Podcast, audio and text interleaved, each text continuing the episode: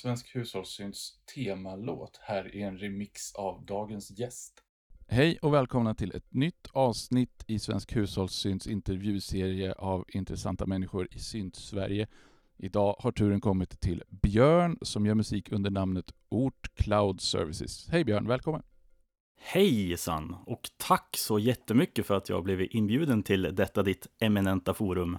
Ja, tack. Eh, jätteroligt att du vill vara med. Och eh, det här är lite speciellt faktiskt för att det har ju handlat om människor med otroligt stora studios och mängder av syntar, men du gör musik uteslutande i datorn. Mm. vi eh, ska prata lite om hur det går till och jag hoppas att det också kan vara intressant för alla som lyssnar. Eh, så hur är läget med dig idag då? Det är bra. Ehm, har varit på jobbet förstås. Det är ju måndag idag när vi spelar in det här.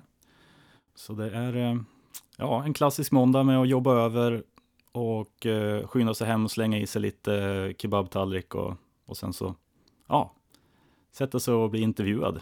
Ja, vad kul. Ja, det kanske inte är en riktigt typisk måndag med lite intervjuer sådär. Nej, det är nog sant. Jag, jag, tog i lite på slutet där. Ja, ja det är bra. Du, um, du måste börja med att förklara namnet Ort Cloud Services med två O. Uh, mm. vad, vad, hur har du hittat det? Vad betyder det? Var kommer det ifrån? Eh, det är eh, en liten ordvits eh, egentligen. Det är, det är en sammansättning av dels Ort Cloud då, och sen så det här Cloud Services som ju är någonting man pratar mycket om idag.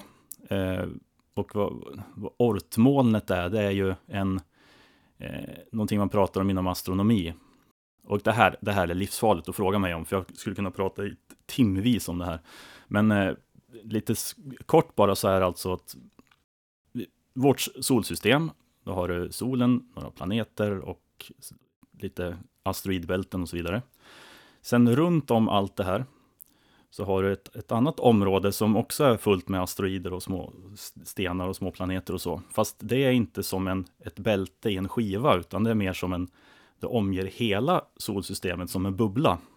Okej, okay. som en sfär eh, lite längre ut då liksom? Ja, precis. Och eh, jag tyckte att det var så otroligt fascinerande när jag först hörde talas om det, för att eh, man tänker sig ju annars att solsystemet är just solen, lite planeter och lite månar och lite småstenar. Men det är ju så otroligt mycket mer och framförallt så otroligt mycket större än man tänker sig.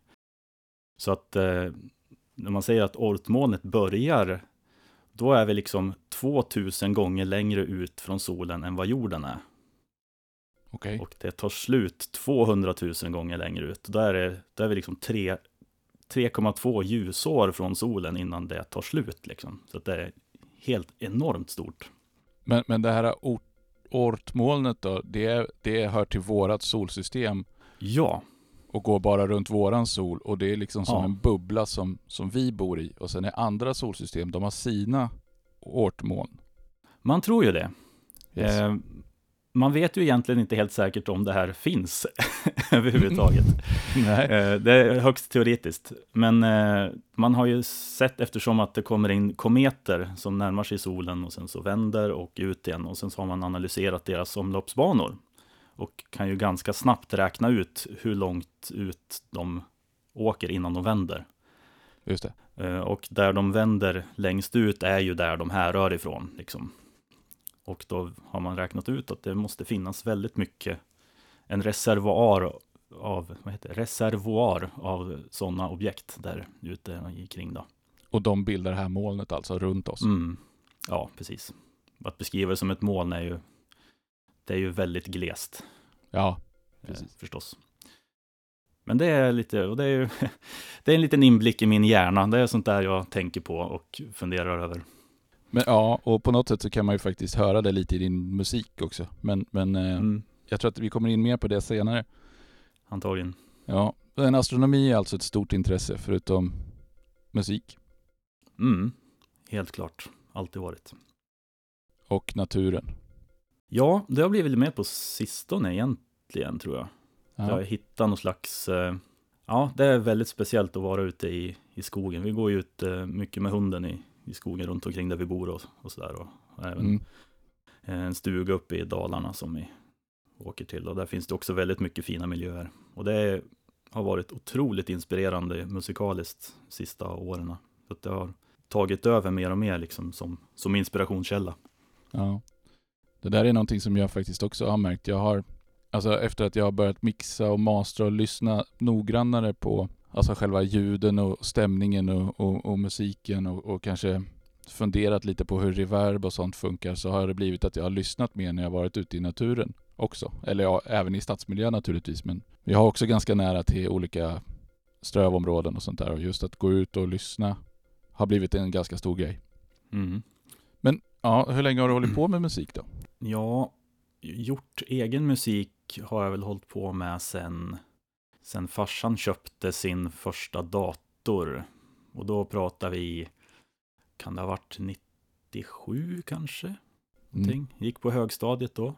Ehm, så att eh, det slutar ju med att han fick köpa en till dator till mig, så att han fick ha sin egen i fred. Mm. Eh, för att, eh, ja, jag satt ju där betydligt mer än vad han gjorde. och då fick jag av en kompis ett litet program som heter Fast Tracker 2. Mm, det känner vi till. Säkert känner till, ja. Mm. Är fina grejer. Ja. Så det satt jag och började med då. Och det, det, man det följer liksom inte med någon instrumentbank där ju. Nej. Så att eh, jag fick ju ett, några moduler då, alltså ja, låtarna kallas ju för moduler på i den, mm. det programmet. Och, eh, och då kan man ju helt enkelt bara strippa låtarna på ljud så att man kastar bort låten och har ljuden kvar och sen kan man ju ja, spara och så vidare. Så att ehm, jag hade ju faktiskt, jag kommer ihåg att det fanns eh, in, innan DICE började göra krigsspel så gjorde de flipperspel.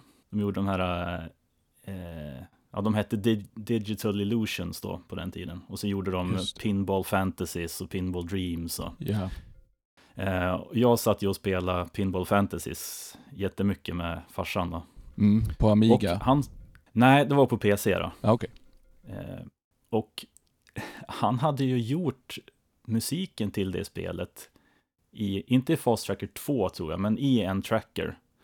Mm. Så att i den, i den mappen på, eh, på datorn då så, så fanns det ju, det fanns ju låtarna där.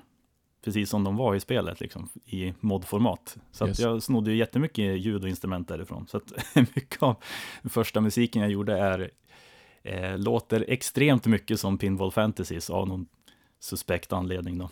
Verkligt. Men nu, nu, nu kommer jag ge mig ut på ganska djupt vatten, men jag har för mig att, alltså för det här är före min tid, men när folk gjorde musik till C64-spel och så vidare så, så använde man ofta trackers. Eh, och likadant till Amigan och sådana där saker. Eh, på C64 var det ju för att styra den inbyggda synten då naturligtvis, men på, på Amigan så var det ju med samplingar, precis som du säger här. Mm. Och, och eh, sen så stoppade man väl helt enkelt in en uppspelningsmotor för modulerna i själva spelet så att man kunde spela upp musiken man hade gjort. Ja, just det. Säger jag utan att ha någon verifikation på det. Jag vet inte exakt säkert, men jag gissar att det var något sånt. Det måste vara så det gick till. Ja.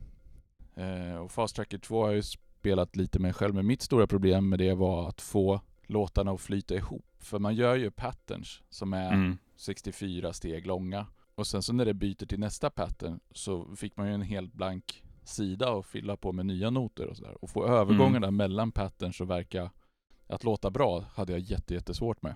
Ja, just det. Ja, jag, jag, du, ja, jag kommer knappt ens ihåg de här grejerna nu. Det är, det är verkligen så här, ja just det, så var det, var så det funkar. Ja. Eh, jag, jag kollade på en, ett YouTube-klipp om Fast Tracker 2 faktiskt för ett litet tag sedan. Bara för jag tänkte att det måste ju finnas någon som har gjort det. Och eh, alltså, sån nostalgitripp utan skådat slag alltså.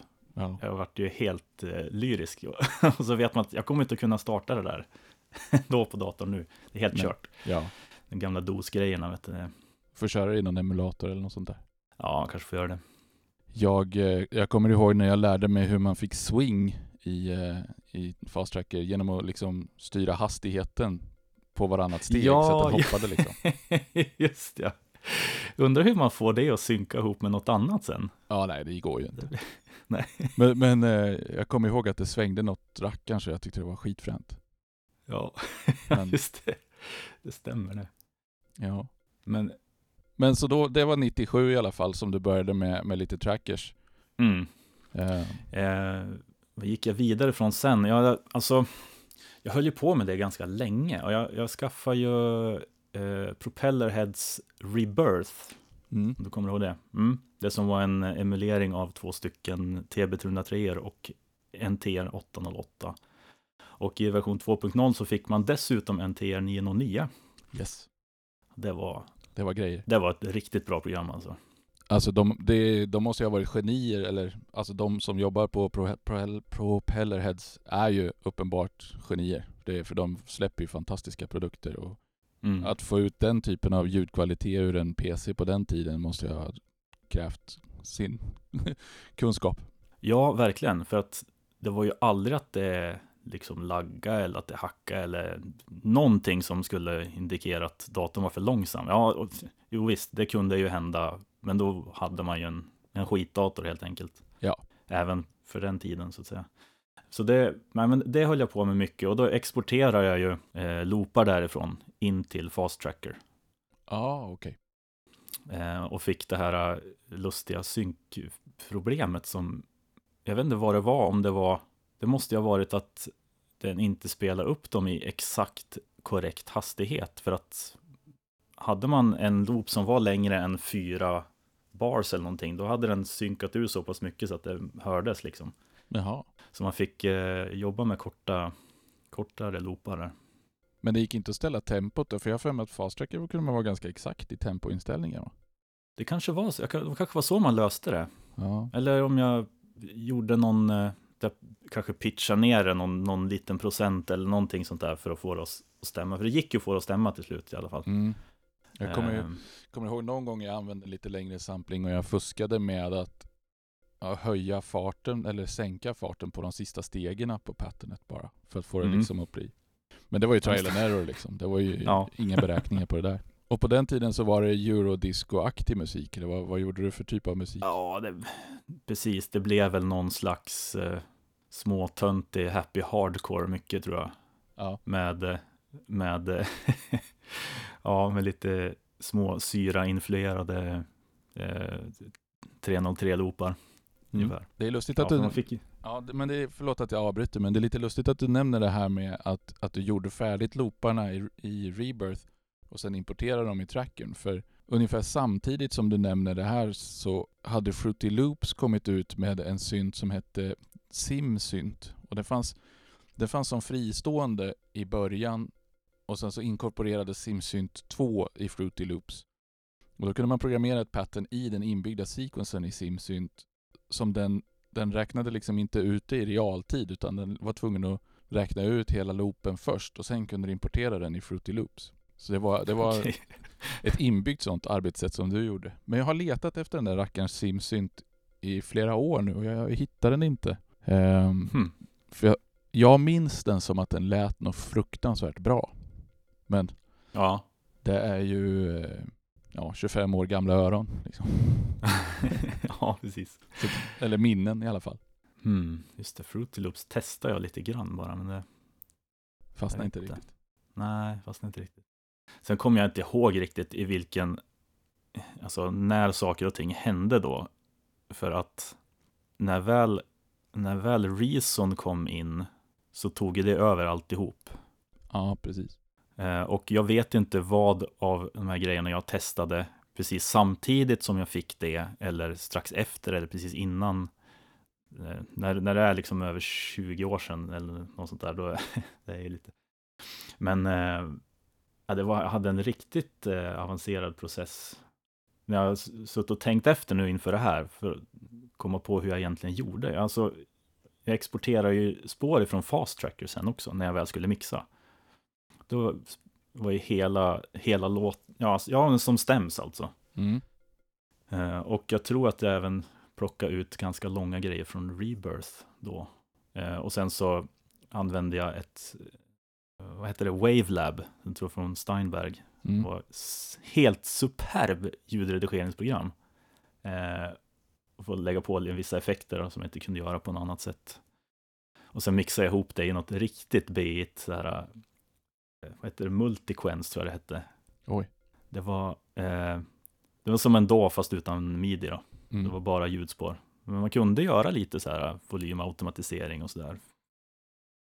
Jag har för mig att jag körde Soundforge för just alltså vågformseditering och sånt där på den tiden. Mm, just det.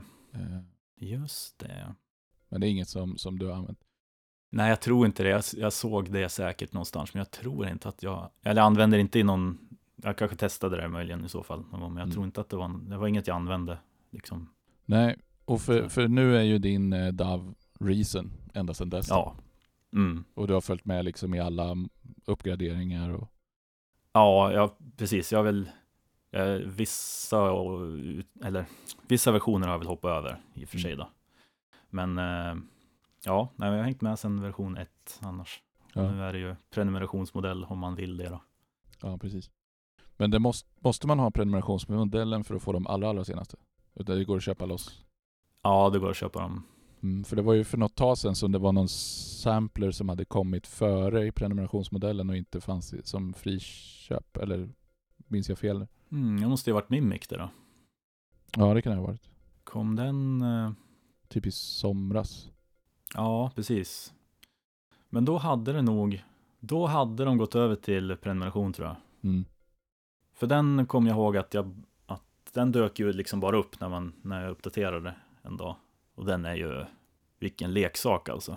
Ja. Har, har du, har du testat den någonting? Nej, jag har inte gjort det. Eh, Jag gjorde ju din remix på, på din låt där och då tog jag hem Reason i någon sorts testvariant som höll i Ah. sig några veckor. Och sen så har jag faktiskt inte öppnat den efter att jag gick ut.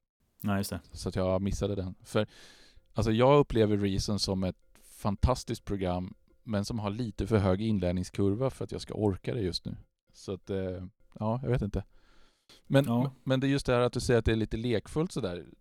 Det, det är eh, det är också min uppfattning om, om propellerheads överhuvudtaget och deras produkter. Inte som att det på något sätt är leksaker, men att det finns en skaparglädje och det finns en lekfullhet och, och det finns en, ja men, att man vill förmedla Mm. den här skaparglädjen och få folk inspirerade. Det, det tycker jag har Ja. varit...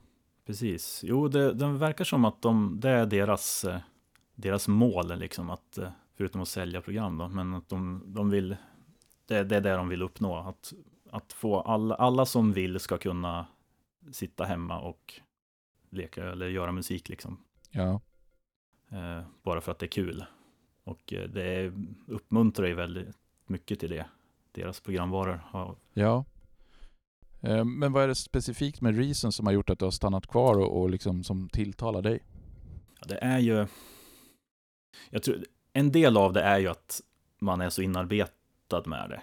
Mm. Eh, och att det, det, det skulle bara vara jobbigt att byta till något annat nu tycker jag. För nu har man, eh, man har sitt arbetsflöde och man, när man får idéer så man, man får ju idéerna ur den synpunkten att man ska göra det i Reason. Liksom. Eh, men, men ändå, bortsett från det så det är ju det är att det är jag, jag kommer väldigt snabbt in på det som är roligt när jag sätter mig ner med det. Eh, och man, det går snabbt från idé i huvudet till någonting i, i maskinen som, som låter. Eh, och det låter ganska tidigt ungefär så som man hade tänkt sig att det skulle låta. Är det ofta så som du jobbar? Att du har en ett tanke och ett mål och sen, sen liksom realiserar du det? Du hör det färdigt i huvudet först? Ja, absolut i, i huvudsak är det så. huvudsak. Yay. Eh, det, det är väldigt sällan jag bara sätter mig ner utan någon, något uppslag eller någon idé alls och bara slänger ihop lite prylar och eh, kopplar ihop dem och ser hur det blir och bygger någonting utifrån det. Det liksom existerar nästan aldrig. Det är om jag ska testa någon ny enhet som har kommit eller någonting sånt där. Mm. Eh, då kanske jag gör lite sånt. Men eh, annars är att jag, att jag har, har tänkt ut innan. Och det, jag, tror inte jag skulle kunna göra det på något annat sätt. För att det kommer så mycket idéer hela tiden. Så det, det, är liksom ett, ett brus i huvudet för jämnan. Och man, det känns ju jobbigt att man inte kan, kan få ner allt det. För att allt låter ju liksom fantastiskt när det, är, när det låter in i skallen på en. Eh, men eh, så att jag, jag, måste liksom ta det som finns där först och liksom se vad man kan göra med det för min egen mentala hälsas skull, om inte annat. Mm. Men, men då får du inspiration när du kanske är ute och jobbar eller ute och går i naturen och så, så hör du liksom att ja, men den här melodin eller det här ljudet skulle kunna ge en, en, en stämning eller någonting som, som du vill skapa. Ja, precis så. Precis så är det. För om du gjorde Happy Hardcore förut så har du glidit över på lite mera ambient-prylar nu då? Ja, jo, verkligen. Um, den resan eh, gick ju, jag, jag tröttnade ju, eh, jag tröttnade lite grann på dansmusik. Liksom. Jag lyssnade mycket på, ja, både Happy Hardcore, men framförallt kanske på trance och goa och Infected Mushroom har ju varit med liksom Just det. hela vägen också. Um, och men jag tröttnade lite på det och eh, fastnade mer för lite så downtempo.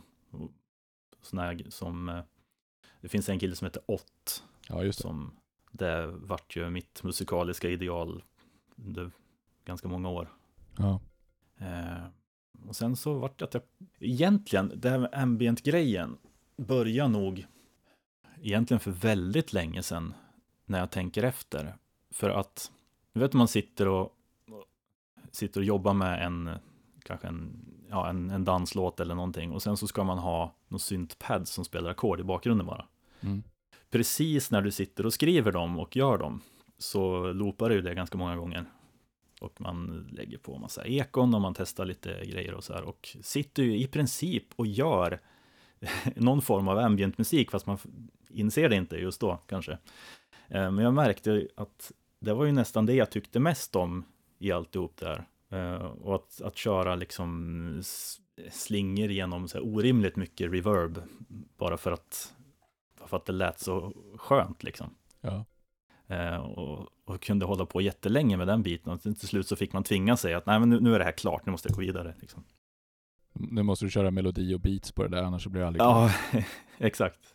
Um, så att jag, det där låg nog latent tror jag ganska länge sådär. Men sen så småningom så kom man ju i kontakt med musik som Tom Brennan och eh, en som heter Bing Satellite så jag lyssnat ganska mycket på. Okay.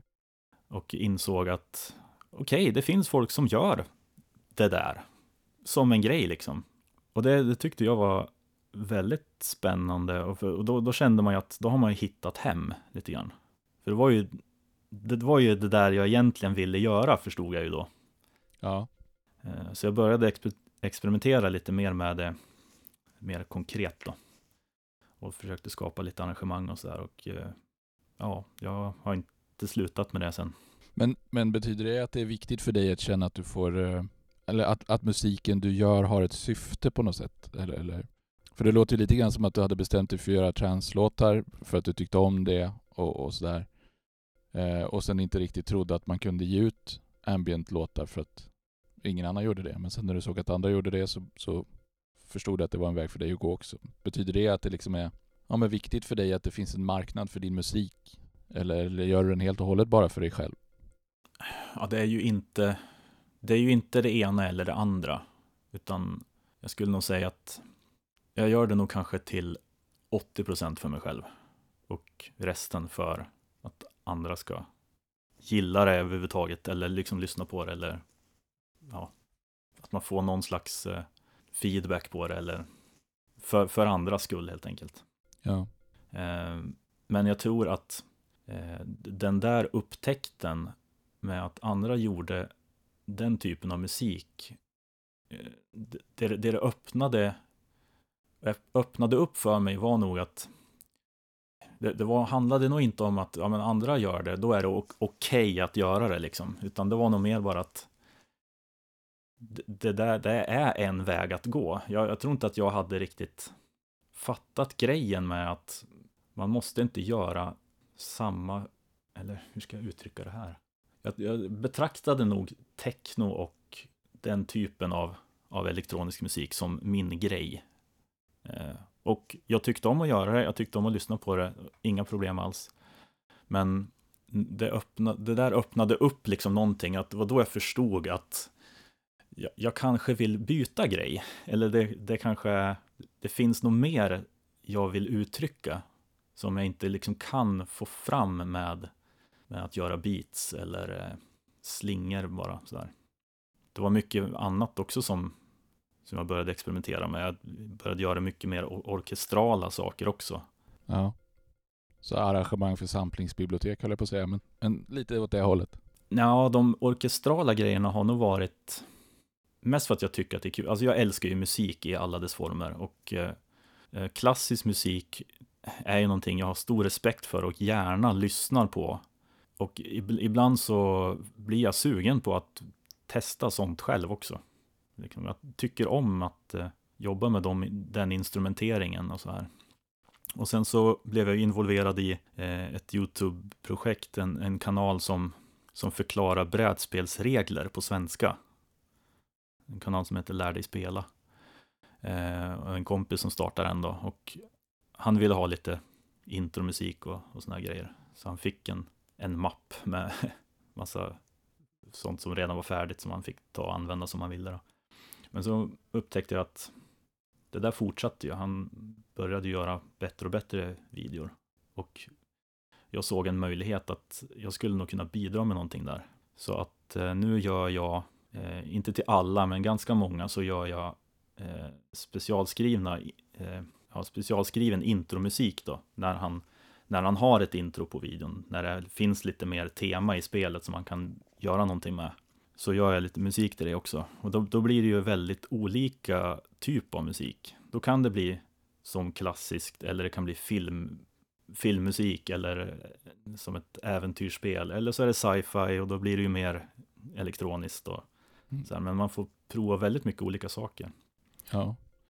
Så det är väl, och det är också sån här grej som när man väl börjar öppna upp sig för att testa Eh, andra grejer än det man har gjort hela tiden förut. Så, så kan det bli en sån här explosion, att då, då vill man prova allt helt plötsligt. Eh, och då kanske man känner sig lite splittrad, men det är samtidigt väldigt eh, roligt och väldigt utvecklande.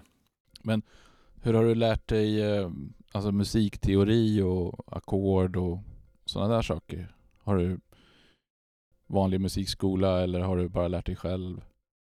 Ja, det jag gick ju kommunala musikskolan i och för sig.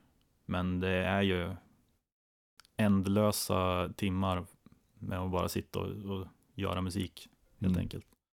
Så jag, jag, jag, vet inte, det, jag, jag, tror att det finns en viss musikalisk ådra i våran familj också så här. Men det är nog bara jag som har ägnat det så mycket tid. Så att det, det är nog mest, mest det som... Men du spelar inget annat instrument nu?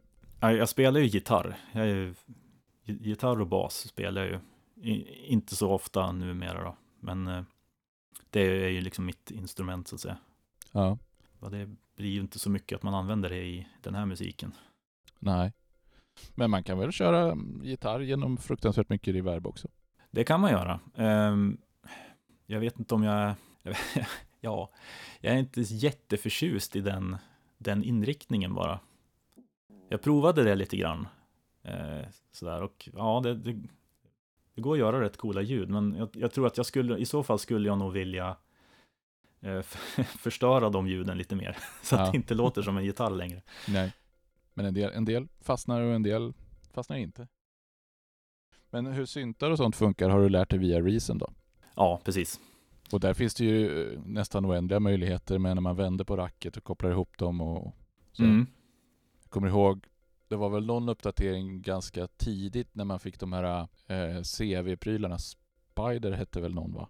Ja, just det, precis. En split, eh, splitter och ja, joiner eller vad man Ja, exakt. Så att man kunde koppla runt och styra en massa saker. Det tyckte jag var skitfränt. Eh, just det. Och det var väl i samma veva som jag själv började med modulsyntar i, i hårdvara då. Så att, eh, det var väldigt inspirerande. Mm. Men har du, har du några tankar kring att börja med hårdvara eller har du bara helt skippat det?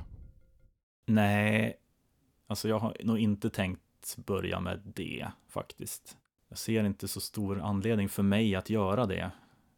alltså jag, jag förstår ju att de som håller på med det brukar ju tycka att det låter bättre och det, och jag, jag kan, alltså det låter jättefint när man, när man hör sånt. Man kanske saknar den där taktila känslan ibland också.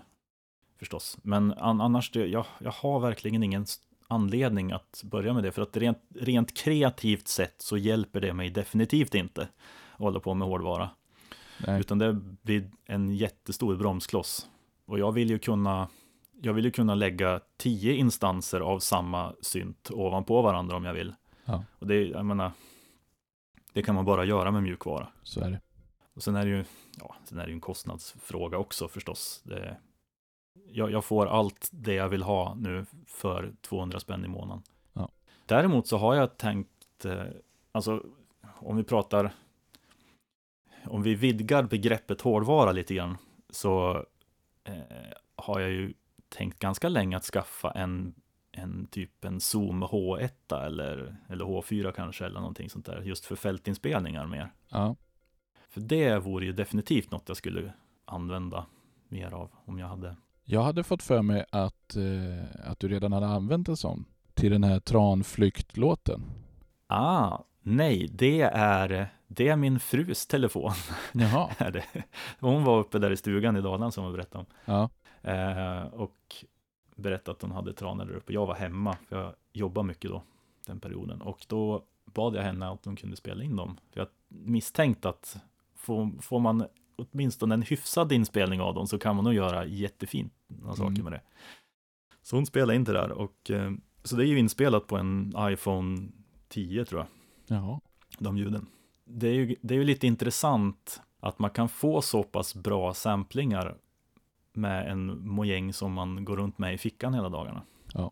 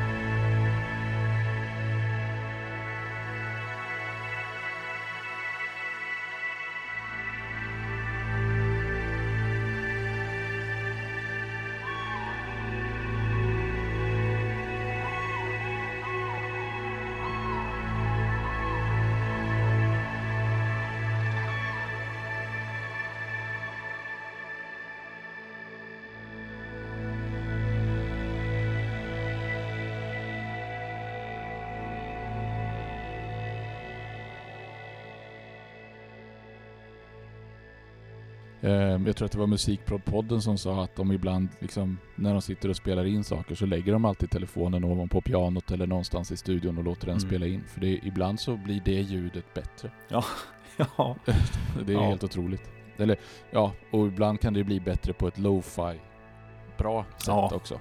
Mm, Men just, det. men just i den låten som, som du nämner här med tran, tranornas ljud så, så är jag väldigt förvånad att det är en, från en telefon. Det trodde jag helt Mm. klart var fältinspelning. Om du lyssnar i början på den så hör man lite prassel och så här. Och det är ju alltså, det är ju sån här, det är ju från när man går runt i det här blåbärsriset i skogen där Mm. som jag liksom inte har klippt bort.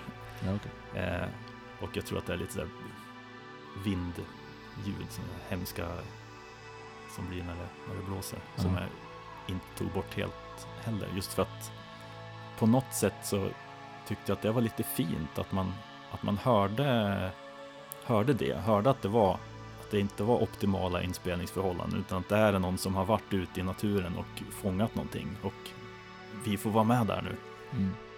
Det, det där tror jag är jätteviktigt. Precis på samma sätt som men om du spelar in ett instrument i en specifik studio så får du lite av klangen i den studion.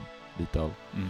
rumsljud och sånt där. Och här är lite grann samma sak. Du får, får liksom ljuden av människan som gör jobbet så att säga. Det tror jag gör Precis. skillnad. Ja, och det där är ju, jag tror det ingår i en liten tanke kring musikskapande som jag har utvecklat på sista tiden. Just att gå mer mot eh, det här organiska. Och det hänger ju säkert ihop med att man inf- inspireras mer av naturen och så här också. Att man, man ser det, det konceptet när man är där ute och så vill man fånga det. Liksom. det är därför. Men det är även på andra sätt att eh, låta saker låta lite fel. Ja. Lite skevt och lite... Ja, det, precis. Men brukar du ta med dig datorn upp till stugan då och sitta och, och greja? När du får inspiration? Oh ja, ja. absolut. Det är ju jätte... Framförallt då om du liksom råkar få inspiration när du och går med hunden eller något sånt där. Mm. Jag använder ju ganska ofta Garageband till iOS också, Just just för att fånga idéer. Och det kan man, man kan komma ganska långt där, redan där. Jag har faktiskt bara sett min dotter hålla på med det och jag blir nästan förbannad för att det är så enkelt för hon gör ju hela låtar Ja. med de små looparna som ligger där. För det, Ja, visst. den har ju ett arbetssätt som påminner grann, lite, lite grann om Ableton Live med att starta sig clips. Mm. Och så lägger man ut dem och så har de ju färdiggjorda som passar ihop. Så man behöver ju liksom inte... Ja, Man kan ju bara labba sig fram och så helt plötsligt har man en låt. mm, precis. Det, och en del instrument där i låter faktiskt riktigt bra. Ja. Även de här, så att säga, samplade instrumenten. Mm. kan låta otroligt bra. Så att många gånger så har jag tagit, när jag har gjort de här mer or- orkestrala grejerna då, så har jag gjort samma, ja, samma stämmer i Garageband som jag har gjort i Reason med i instrumentbanken där i. Och så, ja, så lägger de som lager helt enkelt för, Mm. för att fylla ut det mer. För att så pass bra är de ju så att man kan använda det. Det enda som är lite tråkigt med Garageband tycker jag är att det, det är ju väldigt mycket som händer automatiskt där som man aldrig kommer åt att eh, justera. Mm. Som till exempel är det ju någon slags kompression som händer där, tror jag, som man inte kan stänga av. Så, så, fort, man, så fort man exporterar därifrån så är det ju lite, lite ihoptryckt, lite för kompakt för att det ska, ska vara fint. Ja. Eh, Men, men det är lite sådär... äh, De vräker på för att det ska låta bra så att man lurar alla unga liksom.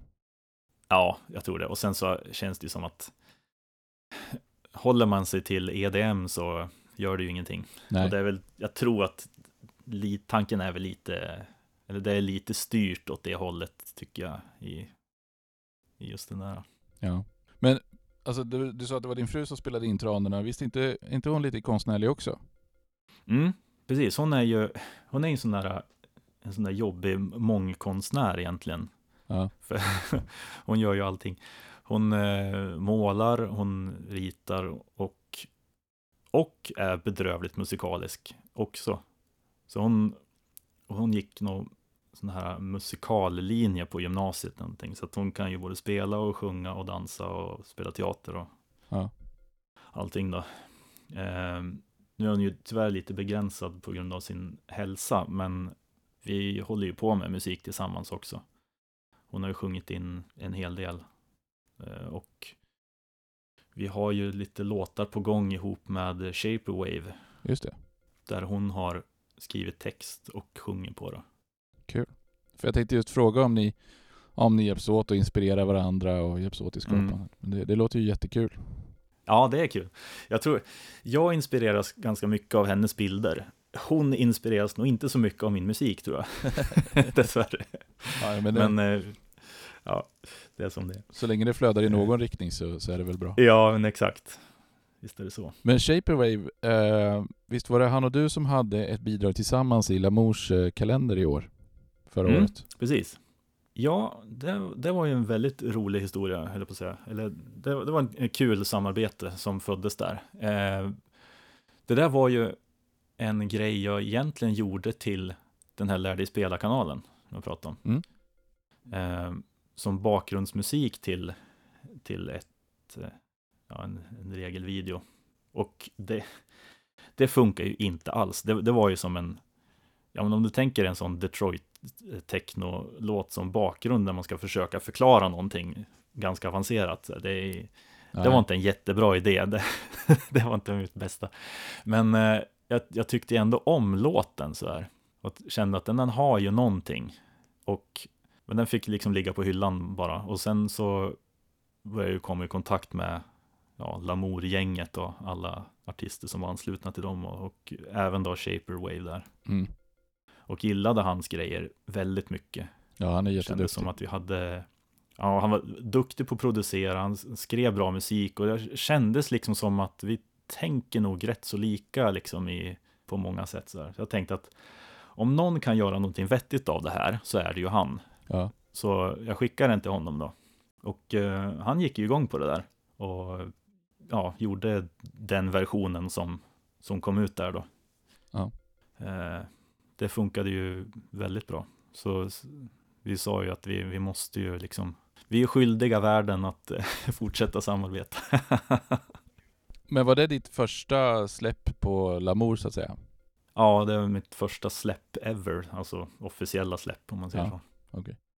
Ja men det väl jättekul. Och Viktor är ju grym att ha att göra med så det, det måste ju kännas bra. Mm. Det känns jättebra, det var väldigt kul. Ja. Har ni, men då har ni några låtar till då, du och, och Shaperwave som är på gång? Mm. Precis, precis.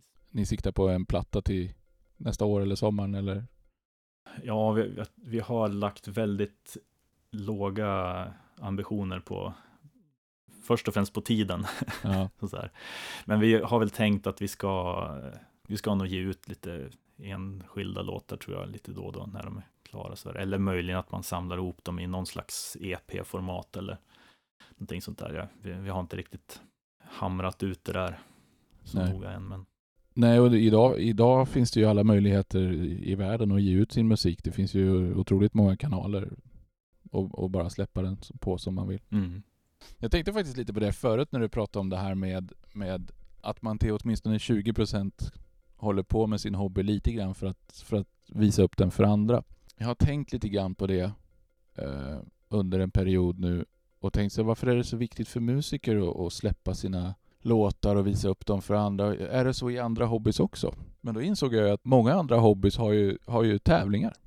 Eh, mina föräldrar höll ju på med en massa hundträning och sånt där och då hade man ju tävlingar på den lokala klubben. Just det. Eh, jag flög modellflyg själv. Det var mycket tävlingar. Eh, de flesta sporter har ju matcher och olika tävlingar. Så nästan alla hobbys har ju något sorts moment av att visa upp sig för andra och jämföra sig med andra. Så varför ska inte musik ha det? Det är fullständigt naturligt. Ja, precis. Och eh, sen är det väl, man, man, man säger nog kanske 80-20 för att det är så man vill att det ska vara, men i själva verket kanske det är 50-50 eller, eller, eller 20-80, det kanske är Ja, ja absolut. åt andra hållet också. Det kan det mycket väl vara. Mm. Nej men alltså det är klart att, att göra låtar som man lägger i en låda och som ingen någonsin får höra är kanske inte så kul. Man, man vill ju ha lite ära och berömmelse och, och lite Ja. feedback. Ja, visst, i alla fall så, jag, jag tycker att det är kul när man, alltså när man skickar grejer till någon och sen så blir den jätteglad för att man överhuvudtaget hade gjort en eh, liksom remix på ens låt utan att den visste om det. Eller, ja, som när jag skickar grejer till dig och där, att man, att man märker att det är ändå någon mer som får ut någonting av det här. Att Mm. när, när jag tyckte om att höra det här verkligen. Mm. Då, det är ju liksom, det är ju en enormt stor motivator. Och då är det liksom inte ens, det är inte ett öre inblandat Nej. i pengar. Nej. Men det är just det där att ja, kunna ge, göra någonting som någon annan uppskattar på någon nivå, på något sätt, någonstans. Ja. Jag tror att det, det driver nog mer än vad man kanske tror, tror jag. Ja, och I alla det, fall för mig. ja, men och sen så har man ju ett sorts gemensamt intresse. Det är alltid roligt att dela Mm. en passion för någonting. Någonting som man bryr sig om och som betyder någonting. Ja, det är Eh, också sant. Just bara få liksom förklara för någon som förstår. Ja, den feedbacken också Ja. är också viktig. Det är ju Ja. inte bara liksom på själva musiken man har gjort, utan också just på hur man har tänkt och hur man har känt liksom i, i något visst läge sådär. Ja, Det, det är sant. precis. För, för vi har ju, ja vi har ju två små samarbeten, men vi, vi kan ju börja med det ena. För ni, alltså det är lite roligt, för vi har ju inte känt varandra sedan förut, utan när jag startade mitt Instagramkonto i somras så bara dök du upp. Jag tror att det Mm. var att du hittade mig via Lamour eller något sånt där. Ja, Eh, och började kommentera på mina bilder och vara jättetrevlig och vi skickade lite meddelanden fram och tillbaka. Det tyckte jag var väldigt inspirerande och, och jätteroligt. Och då frågade om inte jag kunde få remixa en av dina låtar. Och så skickade Ja, du en gammal chiptune-låt som jag gick igång på Ja, som, som det. 17. Jag tyckte den var skitfrän. Men så du har gjort happy hardcore, nu gör du ambient och ibland gör du lite chiptunes. ja ty- tydligen. Eh, ja, det, alltså chiptune har jag inte gjort speciellt mycket av. Det, det är typ, jag tror att det där är den enda färdiga låten jag har gjort. Okej. Eh, men eh, men det, ja, jag, jag blev väldigt sugen på det ett tag och började på med lite grejer där och började kombinera lite grann med, eh, med lite rock och sånt där och göra lite mer Just det. lite hårdare. Sånt där. Men, men sen tror jag att jag, jag tog med mig en hel del av det, det tänket eller det, just med här NES, typiska NES-ljudet. Använda det som en vanlig lead, liksom, har Mm. jag gjort flera gånger Mm. efter det. För att det är ett bra, det är ett bra syntljud helt enkelt. Det är ju jätteskönt. Men och sen så kan jag tänka mig att din erfarenhet från trackers gör också liksom att det ligger nära till hands. Mm. Ehm, Ja, För där kan man ju köra, man kan ju köra långa samplingar om man vill, men man kan ju också köra, köra encykel vågformssamplingar. Mm. Eh, med bara någon fyrkant eller någon sågtand eller vad det nu kan vara. ja precis. Hur mycket man har tappat sen man höll på med det där. Tyvärr. För att man har fått bättre verktyg. Och då har man blivit sämre på att utnyttja det man, det man har tillgång till. För jag märkte det när jag lyssnade igenom gamla låtar in, inför det här då. Jag blev liksom förvånad över vad jag gjorde, för vad jag höll på med för, för manövrar rent musikaliskt här, och produktionsmässigt. Hur, hur lyckades jag göra så här? Jag vet ju vad jag hade för grejer liksom. Ja. Hur, hur, hur gör man sånt ens? Jag kommer inte ihåg. Nej. Så att det, det vore ju häftigt att, att kanske försöka påminna sig själv lite sådana där tricks och se om man inte kan eh, utnyttja det nu när man ändå trots allt kan mer Mm. om ämnet i stort. Mm. Det här när du, när du säger att du har fått kraftfullare verktyg, gör du någonsin så att du begränsar dig liksom när du gör musik och säger så här, "Bara, men idag ska jag bara göra musik med den här delen av Reason? För en del uppfattar ju liksom kreativa begränsningar som väldigt förlösande och Mm. användbara. Men Ja, precis. Jo, ibland gör jag nog det. Men jag, jag tror det som motiverar mig då är nog inte att någon slags filosofi eller, eller så, utan det är nog bara att jag är sugen att jobba med den synten, så att då gör jag det. mm. Eh, men eh, ibland så, ja, men som, som till exempel i den chiptune-låten jag gjorde där, så var det ju, där bestämde jag ju mig att nu ska jag använda de här fyra rösterna från Nessen då. Jag hittade ju en sån här, vad heter det, en refill med, med ett syntpatcher som emulerade just Nintendo 8-bitaren då. ja just det. Jag tänkte, nu ska jag köra på den. Ja. Och sen fuskar jag i alla fall genom att ta vanliga trummor som jag downsamplade och distade. Ja. Men det får man tydligen göra, har du sagt, så att då, då är det lugnt. ja men man får väl göra hur man vill. Nej men, men det roliga var ju att, att det låter så otroligt mycket chiptunes om trummorna. Eh, men sen när jag fick projektet och så såg jag liksom hur du hade gjort så är det ju vanliga akustiska trumsamplingar. Ja, visst. Men de är distade åt skogen liksom. Det är helt fantastiskt. Ja. Ehm, men jag tänkte vi kan köra den där låten nu och sen så pratar vi lite mer Mm. om den sen.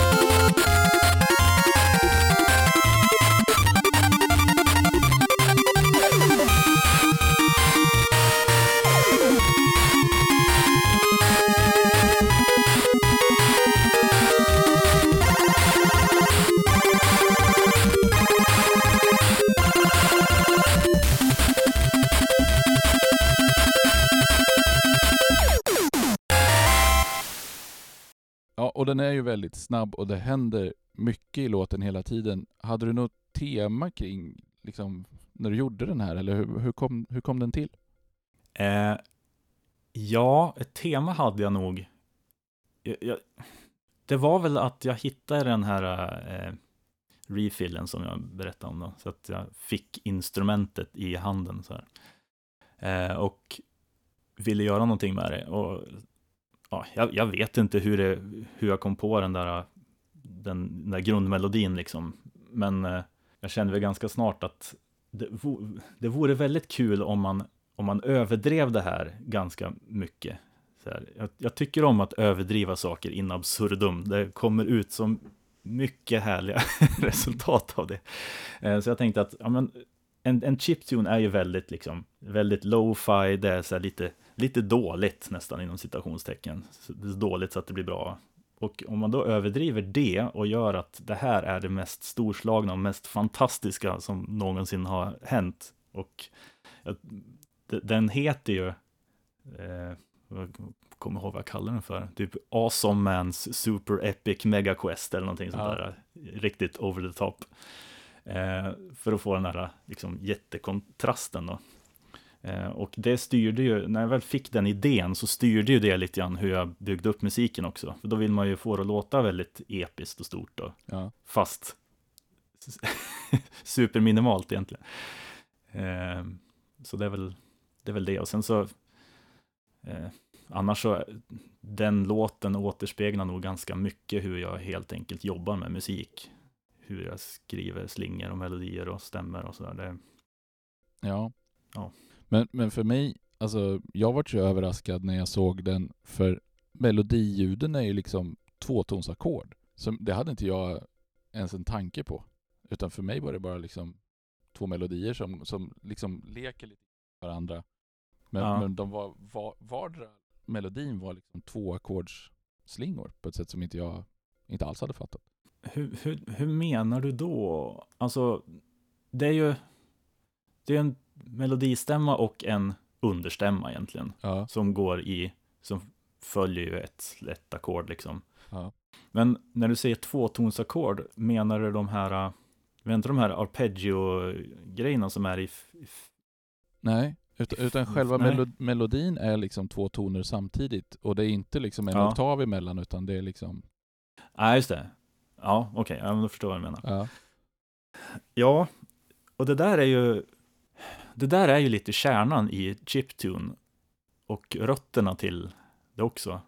Att man har de där begränsningarna, att man har inte så många röster att jobba med. Så att vill man ha eh, väldigt mycket eh, musikaliskt innehåll, då får man ju spreta ut det så mycket det går liksom. Ja. Så att jag tror även, eh, jag tror jag hade någon filosofi där om att basen spelar ju en, en baston på varje fjärdedel till exempel. Och sen så får ju den dubbel, den får ju dubbla som en slags ja, bakgrundssynt också. Så att den spelar ju två toner till innan den går ner och spelar sin nästa baston. Mm. Och de två tonerna där följer ju också ackordet, men spelar lite andra toner än vad melodierna gör då. Ja.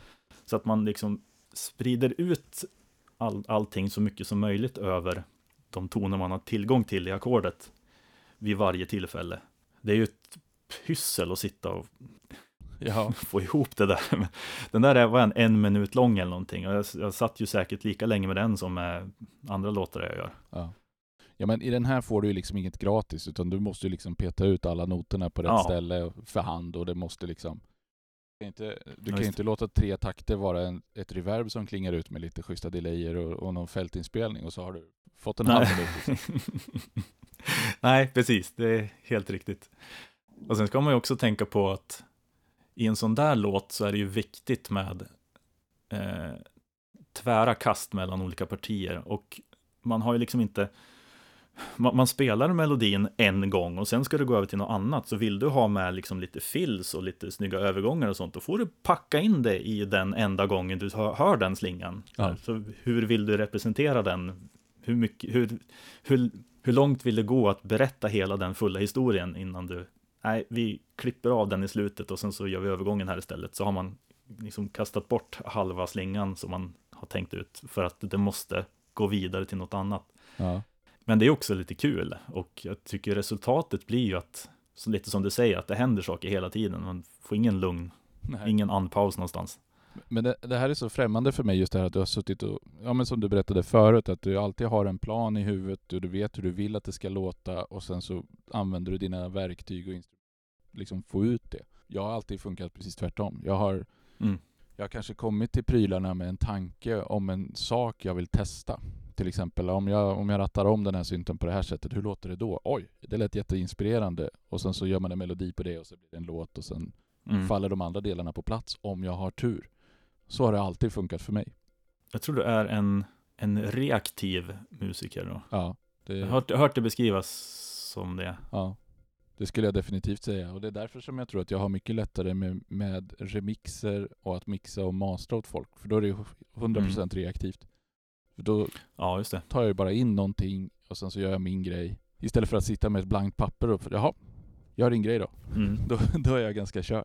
Ja, makes sense. Så jag mår ju bra Mm. av kreativa begränsningar eller, eller specifika liksom, tankar Mm. kring ett projekt. Eh, Just det, det är lite intressant att du kopplar ihop det med kreativa begränsningar. Det är kanske därför jag inte tycker om, eller därför jag inte gör det lika ofta kanske. Min kreativitet föds inte ur begränsningarna, eh, utan den finns där redan från början. Så att, att begränsa det är liksom bara som att sätta munkavel på en idé, snarare. Utan då, då vill jag ju istället då vill jag ju i så fall ha tillgång till allt så att jag kan få fram det precis jag vill ha. ja. Jag tror jag Mm, förstår. Ja, jag har inte tänkt på det så mycket. Men då om du, ja precis för då blir det ju helt värdelöst. Om du, om du har, säg så här, bara, ja men den här månaden får jag bara använda den här synten i Reason. Till vad jag än har tänkt att göra. Och så, så dyker det upp en idé i ditt huvud där du behöver ha en helt annan synt. Mm. Då, då är ju den wastad liksom. Då är det ju helt, då tar Ja. det stopp där. Ja, precis. Men det betyder ju å andra sidan att du har, utö- liksom att du har övat upp en rejäl skicklighet i att använda Reason på, på det, för att få fram det du behöver och det du vill ha. Ja, kanske det. Jag vet inte, I någon utsträckning i alla fall måste det vara så.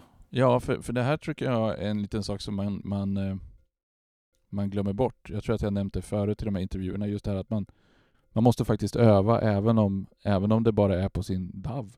Mm. Eller på att ratta syntljud eller på vad det kan tänkas vara. Precis som du måste öva på att spela piano, precis som du måste öva på att spela gitarr, så måste du öva på de här sakerna. Så liksom, inte bara så att det hamnar i muskelminnet, utan så att din förståelse för hur det funkar ökas. Mm. Så att verktyget förvandlas till ett instrument, eller vad man ska säga. För det är ju där det blir i slutändan. Jag, menar, jag tycker Reason är ett lika stort instrument som, som vilken synt som helst. Ja, naturligtvis Mm. väldigt mycket större då, med tanke på möjligheterna. Men, men på samma sätt är det ett instrument. Ja, det är ju... Ja, jo men precis. Det, det är nog så jag ser det tror jag. Ja. Eh, och det, det är kanske därför också jag inte känner något behov av att hålla på med modular historier och sånt där heller. För att på sätt och vis så är det ju det jag redan gör. Ja. Men ja, i en lite annan, annan form kanske. Nej men du har ju hittat ditt instrument och ditt sätt att få fram dina idéer, så varför ändra på ett vinnande koncept? Mm. Men Ehm, den här Chiptune-låten då, den tyckte jag var väldigt rolig och väldigt rolig att få jobba med. Så jag tänkte vi kan höra min Mm. version av den. Kul. Ja, hemskt gärna.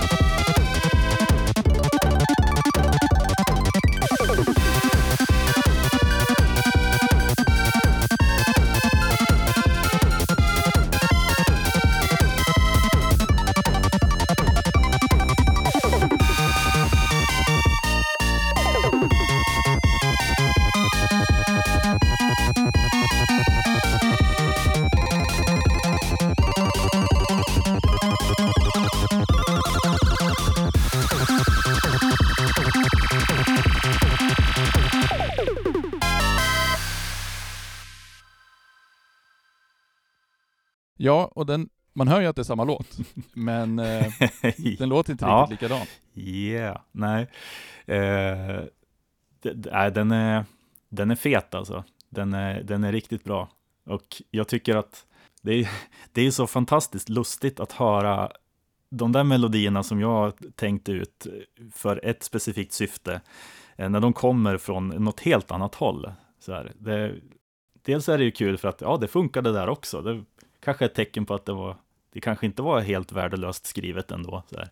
Eh, Men sen också att eh, kul att se hur andra tänker kring det man, kring det man gör. Att, ja, visst, absolut, självklart kan man göra så. Det måste ju betyda att man kan göra på tusen andra sätt också, som också kan bli bra. Så blir man mer inspirerad av att återuppta den där igen, till exempel. Ja. Eh, och sen tycker jag att din version är ju, eh, om min är 8-bits-versionen så är din 16-bits-versionen. Kan det, kan det stämma? Ja, ja det kan det göra. Men, men jag gjorde den ju med flit på, på min analogaste synt för att det skulle Mm, vara liksom så kontrastrikt som möjligt. Och Ja, det. eh, det är en synt som inte jag har haft så länge och inte jobbat så mycket med, så jag tyckte det var kul att göra alla ljuden på samma synt. Just det, du har gjort det på en och samma. Det Ja. är ganska fascinerande. Det Ja. måste ju vara en otroligt mångsidig historia där. Vad, vad är det för, vilken synt är det? Eh, det är en italiensk synt som heter Croomer Spirit. Och eh, Jag- om jag inte har helt fel så har den lite amerikanska chip i sig, så den har lite av det amerikanska klassiska ljudet. Eh, och den All är right. dessutom tydligen, har de haft lite konsultation från Bob Moog som har varit med och, och tyckt lite saker, om, om jag minns rätt från eh, mina efterforskningar i gamla syntböcker. Mm. Men ja, Okej. den är väldigt kompetent. Den har två oscillatorer, den har två filter, två envelope, en LFO och en lite halvknasig nästan LFO envelope-grej.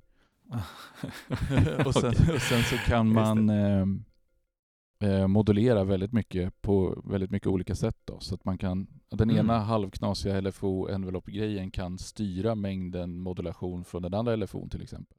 Ja, just det. Eh, och sen så, men jag fick, ju, jag fick ju kämpa lite grann för att få till trummorna. För de, de var inte så Ja, jättebra på att göra trumljud. Eh. Men det är den som gör trummen också alltså? Jajamän. Jaha. Så, och sen så till det där första ljudet som är lite i introslingan där som den, Mm. Det har jag hackat upp på ett litet annat sätt än, än du har gjort. Och det berodde Mm. på att jag hittade någon rolig modulation som jag lekte med samtidigt som jag spelade in. Just det. Så den, den fick bli Ja, lite man så. hör att det, hör att det rör sig lite grann där. Ja, precis. Och det, var, det gjorde jag på frihand bara för att liksom göra det lite annorlunda. Ja, ja. Men i övrigt så är den nog Spännande. helt trogen eh, din version, förutom att jag tror, jag tror att jag dubblade basgången lite grann på slutet för att få upp farten lite. Inte för att den behövde så jättemycket mer fart, Ja, men, okej. Mm. men det lät som Ja, det. murrigt annars. Mm. Eh, och sen så har jag försökt hålla filtret ganska öppet för att det inte ska bli så, eller för att det ska låta åtta bitars och, och lite så här murrigt och, och, och Ja, det. mycket övertoner liksom. Ja, ja, det var kul. Det där var, det var en rolig grej. Den där kom från sidlinjen lite grann för att jag hade inte, jag var ju klar med den där liksom. Ja. Den, Eh, så det var kul att den fick, den sprang iväg och fick nytt liv. Ja, nej men den var otroligt rolig att jobba med så det, det, det gör jag gärna om. Undrar om det är fler som vill eh, ge sig på den där. Ja, Det tycker jag. I så fall så, i så fall är det en, en officiell inbjudan här och nu. Ja, ja men vad roligt. Det, det tycker jag definitivt. Är det någon som hör det här och nappar på den så gör det. Jag kan hjälpa till med, med jag tror att jag har midi kvar på den så slipper man hala ut det ur Ja. Reason-projektet. Sen så, sen så har jag ju faktiskt sparat undan trum, alltså trumljuden som samplingar. Så att, eh, det kan man också få om man vill. Men eh, vi har ju faktiskt ett eh, samarbete till. Eh, du och Ja. jag. Men det är inte bara du och jag, utan eh, jag har ju bjudit in ett gäng till. Men du är den hittills största bidragaren. Du, är större, du har gjort, gjort mer på det där projektet än jag själv har gjort. Oj då. Ehm, Ja, men det är bra. och ja, och jag får skylla mig själv lite grann för att i början av min, eh, min Instagram-karriär så, så tänkte jag att jag skulle slänga ut lite roliga statements bara som, som bilder. Ja, men för att sälja in mig själv lite grann och, och så liksom försöka, jag vet inte. Och ett av, en av de bilderna då som jag, som jag skrev stod det på så här, vill du ha tre timmar drone ambient i diss-moll så fixar jag det. och ehm, det är ju ingen som har, har hakat på det naturligtvis, men jag tänkte så här, fan jag kanske skulle ta och göra det där då. Så, att, Ja. eh, så det, det är det som är projektet, att det ska bli tre, ett stycke som är tre timmar långt eh, i diss-moll, 79 BPM. Eh, och, och ja, det är de enda reglerna egentligen. Mm. Och så är vi några stycken då som, eh, som bidrar, så får vi se hur långt det, det går. Ja, Men eh, du har faktiskt hittat på eh, det officiella namnet i projektet. Det kan du få berätta lite om. Ja, just det. Eh, det är ett, ett ord som eh, eh, jag har tänkt på väldigt länge och känt att jag måste göra någonting med det här. Så att jag, jag har föreslagit det i lite andra sammanhang, så här, lite till höger och vänster, men det är ingen som har nappat på det förrän nu då. Mm. Eh, och det är eh, ordet mykorrhiza som ju det är väl någonting med, ja det är en svampar lever i symbios med träd eller andra växter, att de utbyter saker med varandra och sen så ja, blir det någon slags synergieffekter ur det. Och det där tyckte jag, dels är det ett så fränt koncept och så otroligt, eh, ja, väldigt organiskt och eh, spacigt på, på något vis. Eh, alltså li, lite infected mushroom eh, känsla i själva hela konceptet tycker jag. Ja, och, och svampar har ju sitt eget liv och är ju lite speciella. Eh, Mm. jag såg reklam för någon dokumentär som, som skulle komma. Jag tror att jag såg den reklamen för något år sedan eller två. Som skulle handla just om svampar och deras hemliga liv. Eh, Mm. Okej. Jag har inte sett att den har kommit ut så jag har inte sett den. Jag tänkte om du hade, om du kände till något om det. Nej, eh, jag hör, hör det för första gången nu, men eh, definitivt skulle jag vilja se det. Mm. Det är ju, alltså, om man är ute och går i skogen, över där återigen, och så ser man lite svampar som växer längs stigen så här. Och så ser man att det fortsätter ju att växa ganska långt. Ja, Så kan man ju komma ihåg att det förmodligen är samma individ. just det. Eh, min fru tyckte det var lite äckligt när jag sa det. och jag var jättefascinerad. Ja, Jag vet det. Eh, Så att, eh, ja, nej men det, det vill jag liksom, jag vill ha med det i något sammanhang och det här är ju verkligen så här samarbete, att man utbyter resurser med varandra och sen så växer det till någonting större än vad vi någonsin skulle kunna göra själva var för sig. ja jag tror stenhårt på det. Alltså, jag tycker namnet är ju väldigt liksom symboliskt för, för hur det här går till. För Mm. Ja, lite har jag väl tagit mig vatten över huvudet. Vi får se hur mycket jag lyckas få in för, för det vi kommer behöva Mm. väldigt mycket musik som bidrar. Men här har man ju å andra sidan, till skillnad från i den där Chiptune-låten, har man ju väldigt mycket gratis. För den lilla bit jag har gjort är ju, ja egentligen så är det fyra spår med samma ackord med lite olika syntar med modulation genom vansinnigt mycket reverb. Och det har ju liksom, Mm. hittills har det ju gett 10 minuter musik. Så Ja, men det låter fantastiskt. ja, Alltså, när jag hörde det. Jag, jag trodde ju, jag har ju trott på det här projektet ända från sen du frågade om det första gången. mm, Eh, och, så här, och, och förstod att det här, det här kan bli superbra. Men eh, in, det var egentligen inte förrän du skickade det du hade gjort och hade vävt in eh, en slinga som jag hade gjort också.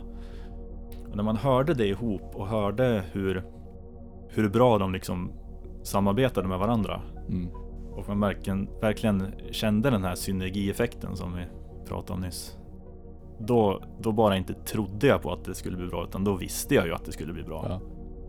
Så att, eh, ja, jag är superpepp på det här verkligen. Ja men det är jätteroligt för att eh, det kommer behövas väldigt mycket mer.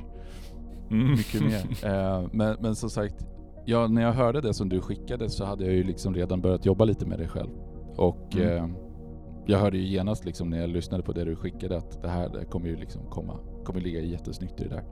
Mm. Och jag, jag tycker om att man här kan liksom ta tid på sig. För, för det stycke som du skickade till mig, det här arpeggio, plinkeplonk, Ja, just det. vemodsgrejen. Det är ju det är Mm. ju ganska långt. Vad är det? Typ åtta minuter någonting. Ja, tror jag. Och det, det smyger ju upp liksom sakta, sakta, sakta i volym. Mm. Så att de första två minuterna som det går samtidigt med mina grejer så hör man det nästan inte ens. Utan man kan bara Nej. ana lite, lite grann i bakgrunden. Mm. Och sen så helt plötsligt så Precis. kommer det ett ljud som man hajar till och så inser man att ja men ja just det, nu har det börjat komma något nytt. Mm. Och det, jag, jag tycker det där, det är jätte, jättekul att få jobba med det faktiskt. Mm. Eh, Jag tror att... Eh, ja, precis. Jag tror att en del av de grejerna jag har skickat till dig där behöver jag nog arrangera lite mer så. ja. Eh, kanske, till exempel. ja men, men man kan ju också låta samarbetet gå åt andra hållet. Jag behöver ju inte vara den som arrangerar alltihopa utan jag kan ju skicka Nej, ljudstycken till dig så kan du arrangera ihop det med saker som du har gjort så klipper jag. just det.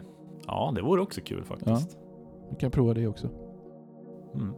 Ja, jag tror på det. Det ska bli jättekul och eh, ehm, jag har väl, tror jag, gått ut med att, att eh, det är någon sorts deadline i, i höst på att skicka sina bidrag. Och sen tänker jag tillåta mig att ta typ ytterligare ett år på mig att klippa ihop alltihopa. ja, just det. Så att det, att det kommer ut någon gång hösten 2023 då kanske. Men du, eh, nu har vi pratat en ganska bra stund och lyssnat på lite bra musik och allting sånt där. Har du någonting på gång i din musik som du vill berätta om? Eh, ja, det, det... Ja, jag har ju fortsatt lite grann med... Eh, Tranflykt är ju till exempel egentligen bara första spåret i en samling jag tänkt göra med ambient på svenska. Yes. Som ska vara inspirerat mycket av svensk natur och eh, ja, sådana saker. Så det blir liksom svenska låttitlar, mycket lite svenskt pratbabbel och lite så här Mm. svenska sommarkvällar med blå horisont och svarta, eh, svarta bergstoppar och så vidare. Lite så här. Eh, så det håller jag på lite grann med. Eh, det kommer ju mer, mer spår ifrån Nodes-samlingen också. Sen, en grej jag har börjat leka lite med tanken bara. Men, eh, eh, ja, vi pratade ju om hårdvara förut, om jag var intresserad av att skaffa sånt. Och eh, en grej jag har funderat på är en kontrollyta mer med lite rattar och, reglar på Ja, just det. och koppla till Reason för att kanske kunna köra lite live. Ja. Kul. Eh, åtminstone kanske rigga upp ett par, ett par eh, ja, alltså Reason-projekt som man ska kunna, kunna göra det också. Ja. Man får, får ju börja med att spela hemma bara så här, och testa, köra lite sessions Ja. och se om om det går. Eh, men det, det är en sån här grej jag har lite, har lite tankar på. Så ta det vidare till något, något nytt ställe. Nej, men det tror jag är jättebra. Komma ut och spela lite live nu när restriktionerna släpper. Borde inte vara omöjligt. Nej, kanske inte. Nej. Vi får se. Jättebra. Men du, då får jag tacka så jättemycket för idag. Det har varit jättekul att pratas vid. Eh, för första gången. Ja, Och eh, höra, lite ja tack om, själv. ja, och höra lite om hur man kan göra musik med Reason då. För, för en syntnörd som jag. Mm. Precis, prova det. Prova Reason. Det är kul. Ja. Jättebra. Men tack för idag. Tack så mycket.